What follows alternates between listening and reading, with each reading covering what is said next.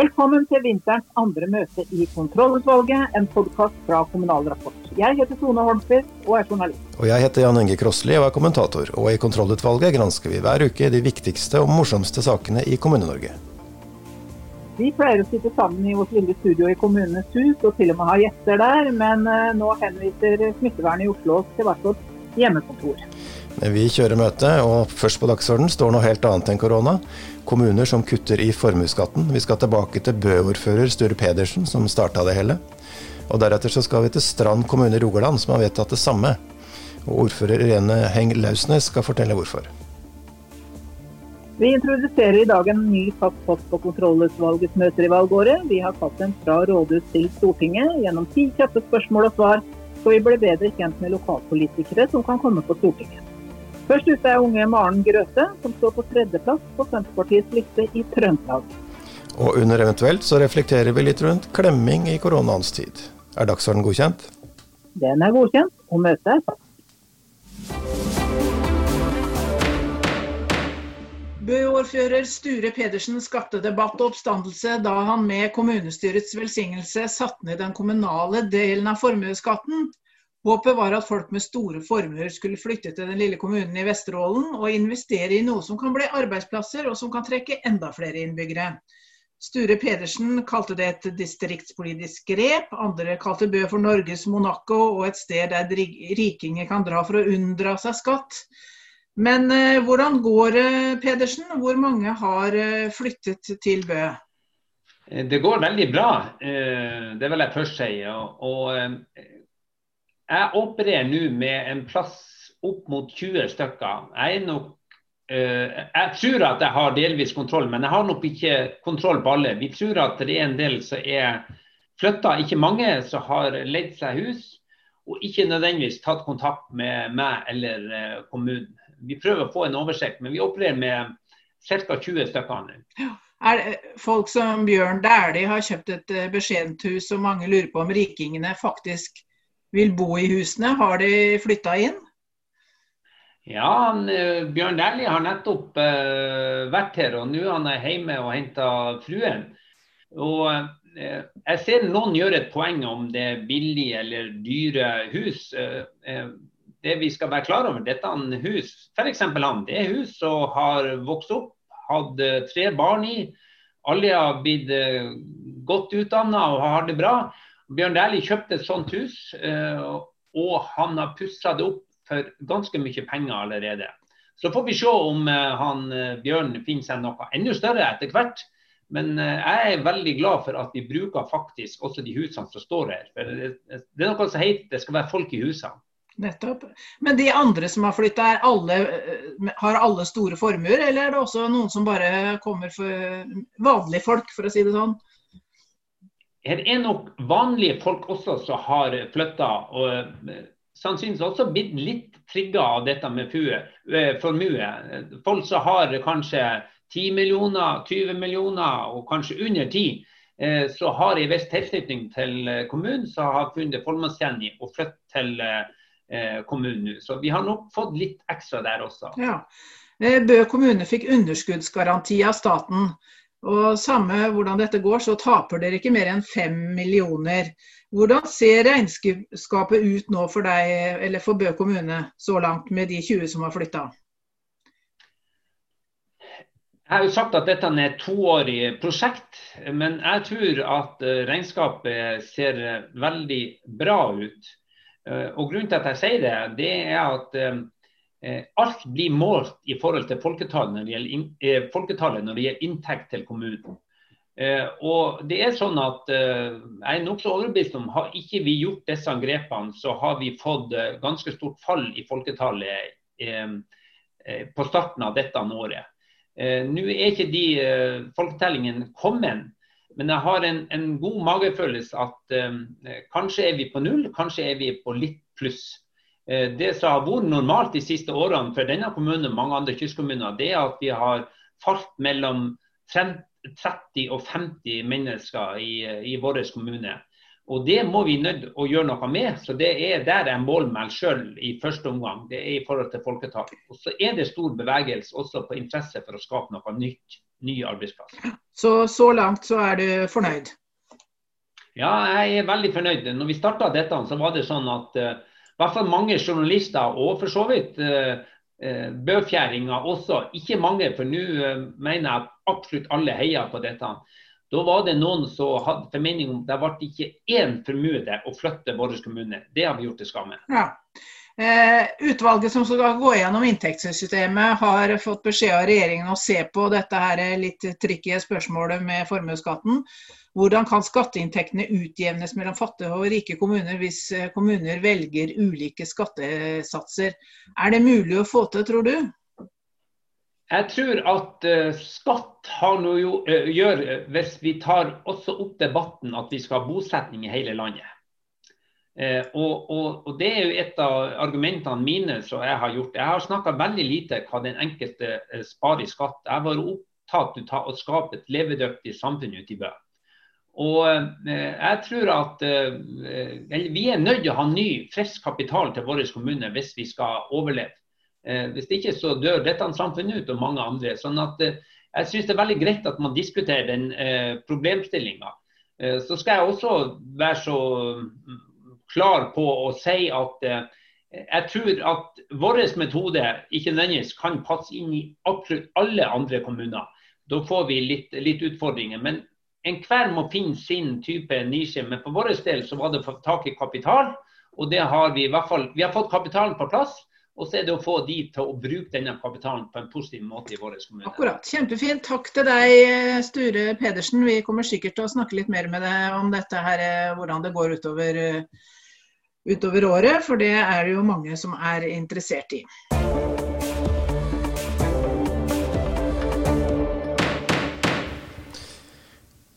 Strand kommune ble inspirert av Bø og vedtok rett før jul å sette ned formuesskatten fra 2022 ordfører Irene Heng Lautnes fra Høyre og Strand kommune. Du er med oss eh, på telefonen. Ja. Hei på deg. Eh, hvorfor kutter dere i formuesskatten? Kan du si litt om det? Ja, Det handler egentlig om at eh, vi har sett litt på hvilke utfordringer vi har, og så tenkt på hvilke muligheter vi har til å gjøre og endre på dette. Det som er med Strand kommune, det er at vi ligger i randsonen av Stavanger. som er jo oljehovedstaden med, med høye inntekter og dyre tomter. Og så er det sånn at vi da ligger på sida og har stor utpendling. Altså få arbeidsplasser selv i kommunen, og eh, da eh, i forhold til resten av landet lav, lav inntekt og lav skatteinntekt. Eh, og da er det ikke så mange grep som vi egentlig kan gjøre for å prøve å snu på den uh, utviklingen. Det er liksom hvordan tiltrekker vi oss uh, et gjennomsnitt av eh, befolkning. altså Dvs. Si, eh, hvordan får vi flere innbyggere med høy inntekt? Og hvordan får vi eh, bedrifter til, og, og mennesker med formue til å ha lyst til å bo hos oss og etablere arbeidsplasser Så, hos oss. Så Da har altså reduksjon av formuesskatt vært et virkemiddel som vi ønsker å prøve. Så du skal lokke rikinger og bedrifter fra Stavanger til Strand, som er ganske kort vei, eller? Ja, det er ganske kort vei nå. Ryfast åpna. Bompengene begynte i i går. Eh, så der er, har vi 15 minutter egentlig nå. Har dere regna på hva dere kan tjene på, på dette? Ja, vi regna egentlig uh, ut at vi, uh, vil, vi vil jo få et tap pga. redusert formuesskatt for de som bor her og betaler formue i dag. Og så eh, regna vi da i forhold til budsjettet på at vi forventa å få innbyggere, sånn at det tapet ble dekt av økt skatteinntekter. Hvor mange må dere ha? Hvor mange må dere ha for å gå i null? ja, det, jo, det, kan jo være 1 og det kan være 20. Det kommer jo an på hvilken formue de har. Men vi, vi må få inn 5,9 millioner ekstra i skatteinntekter for å dekke den reduksjonen i formuesskatt som vi får. Og, dere har i dag rundt 13 000 innbyggere? Mm -hmm. det, det stemmer. Er det noen motforestillinger i kommunestyret mot det her? Ja, nå er, det, nå er det ikke flertall i eller det er flertall for dette i kommunestyret. Så, eh, så det var jo to forskjellige budsjetter, både opposisjonen og, og posisjonen. Det, og det er klart at det, det, kan diskuteres, men det som det handler om for oss, det er egentlig eller det som det handler om for kommunene, det er jo å finne en, en innbyggersammensetning som er mest mulig jevn, sånn at du får en balanse mellom mennesker med lav inntekt og mennesker med høy inntekt. Eh, for det er viktig i forhold til de tjenestene vi skal utføre i en kommune.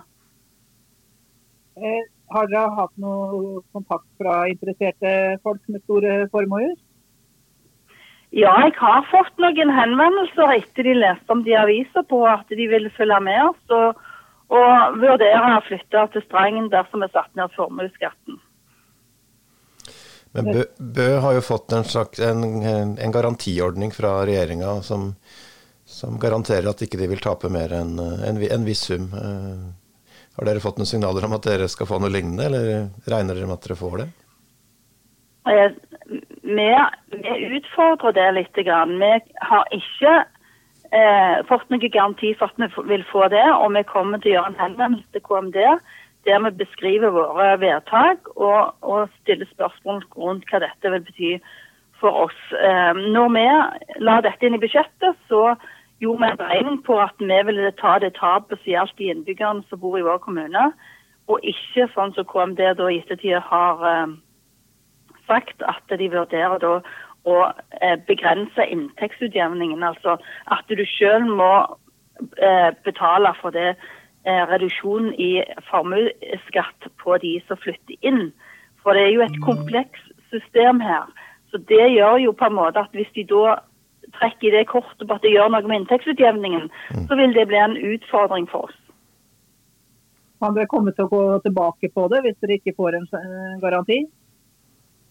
Altså, Vi er nødt til å vite at hvis vi gjør dette her, så kan vi ikke så kan vi ikke bli, eh, eh, Vi kan jo ikke gamble med eh, skattebetalerne sine penger på den måten at eh, vi ikke vet. For det som er utfordringen, at Vi vet jo ikke hvem som flytter inn, og du vet ikke hvor, mye, hvor stor den reduksjonen i formuesskatt blir på de som flytter inn.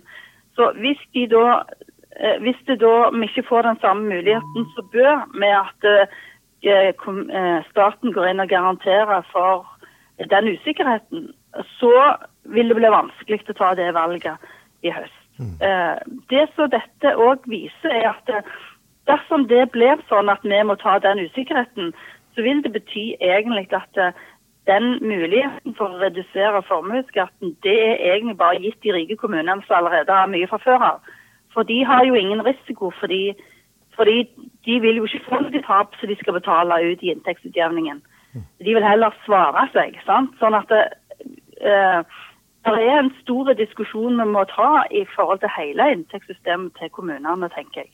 Og det kommer vel opp også. Dette utvalget som skal utrede dette, har fått eh, beskjed om å, se på dette også. Da sier vi takk til eh, strandordfører Irene Heng Lausnes om formuesskatt.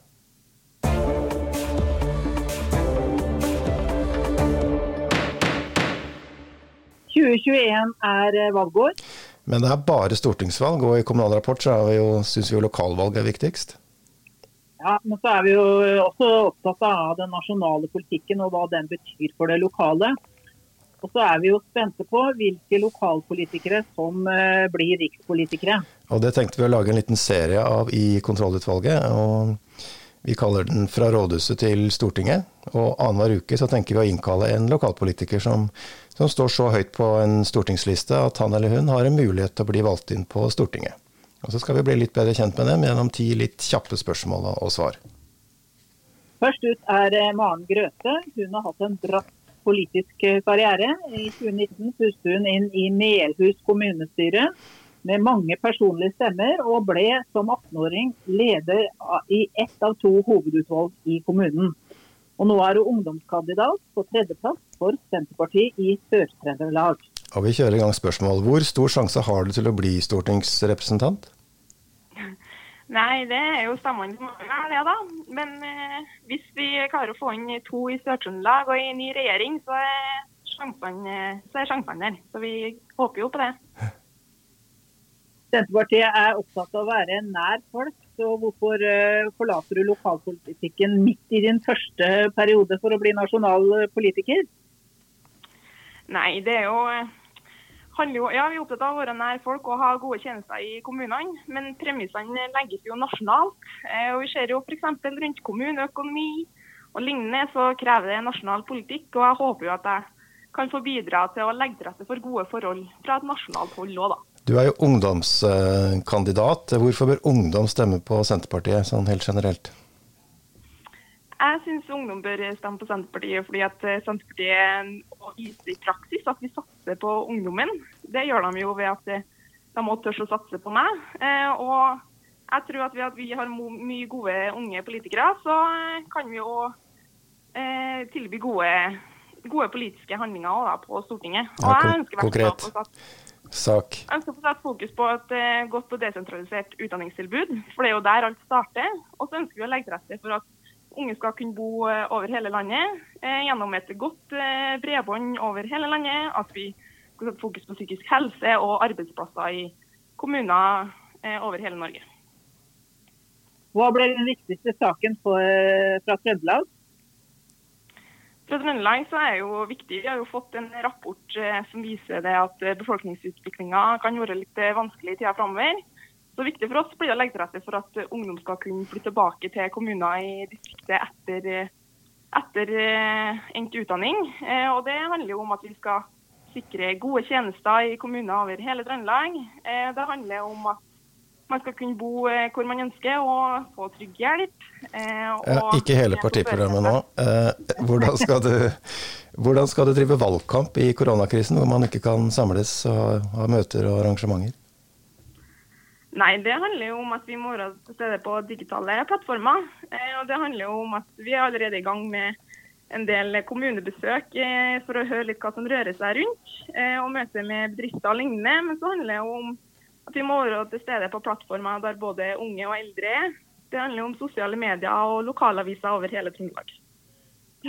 Hva var som tente ditt eh, politiske engasjement, Maren? Nei, det handla om at eh, jeg ble tilbudt om å sitte i et ungdomsråd, eh, og jeg opplevde hvor givende det var å arbeide for gode tjenester til folk. Og så handler det jo om at ja, man ønsker å ta del i utvikling av landet i tida framover. Og at man ønsker å være en opposisjon til dagens regjeringspolitikk, da, som vi håper vi kan være. Hvem er ditt politiske forbilde? Oi, det var et godt spørsmål. Eh, Det er ikke lov å si partilederen.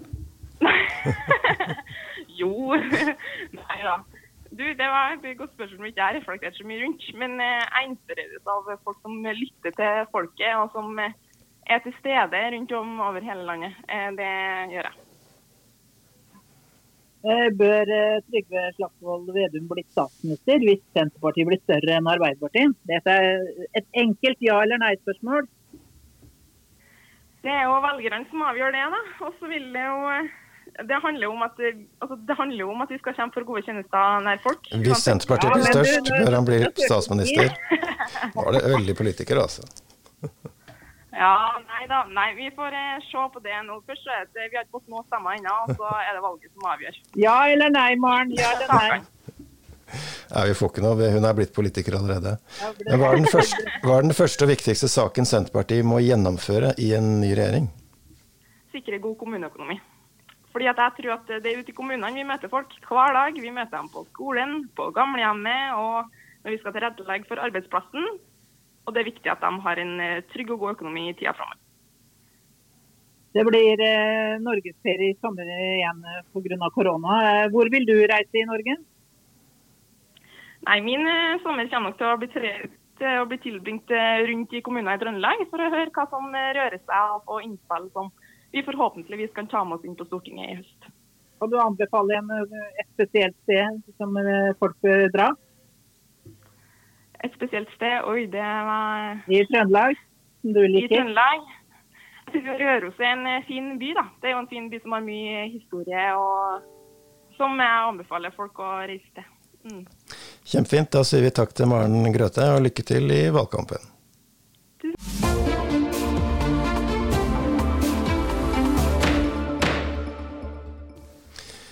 Ja, Da er vi kommet til eventuelt, Tone. Har vi noen saker der? Flemming og korona står på dagsordenen. Det går jo ikke sammen.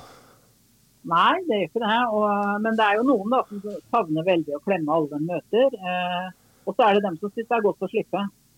Syns ikke det er naturlig med all denne klemminga. Ordfører Inger-Lise Lund Stulien fra Åseral i Agder syns det er godt med en pause. Hun la ut en sånn liten uh, post på Facebook om det, og fikk veldig mye respons. Også fra lokalavisa, da, Fedrelandsvennen. Mm. Klemmepause. Litt introvert hun da, kanskje? Ja, eller som du sier, så er jo dette noe nytt i Norge. Vi drev og klemte hverandre når vi traff, hverandre før i tida. Så til avisa så sier Åsdal-ordføreren ting endrer seg med tiden. Og på 2000-tallet så skjedde denne overgangen fra å hilse til å klemme. Og jeg har aldri blitt helt vant til det. Jeg syns det er godt med en pause, sier hun. Og så har jo da avisa tenkt at derfor vi spørre de andre ordførerne hva de mener om dette. Om det er noen som savner å klemme. Og så ringte de da til Lindesnes og til ordfører Even Tronstad Sagebakken, som sier at han er ikke noe utprega klemmer. Det ble mye klemming en stund, men nå er vi tilbake i, på sånn 1970-nivå. Sånn klemmemessig, mener han. Litt klemmehistorie. Eh. Nei, det er kanskje påvirkning fra sydligere strøk og all reisinga vi nordmenn holder på med, som gjør at vi er blitt eh, klemmere?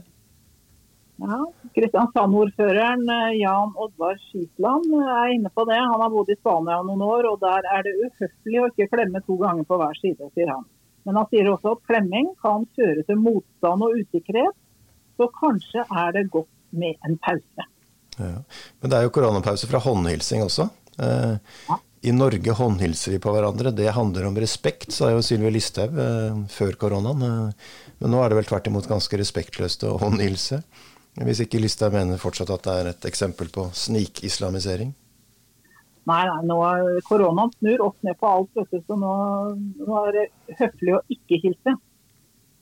Så da kan vi vel avslutte møtet her uten klem og uten noe håndhilsing. Og så er vi forhåpentligvis tilbake neste uke. Det prøver vi å være. Møtet er hevet. Og kontrollutvalget ble som vanlig ledet av Jan Inge Krossli og Tone Holmquist. Og Magnus Knutsen Bjørke har hjulpet med det tekniske. Og Jonas Brekke Krossli har laget vignetten.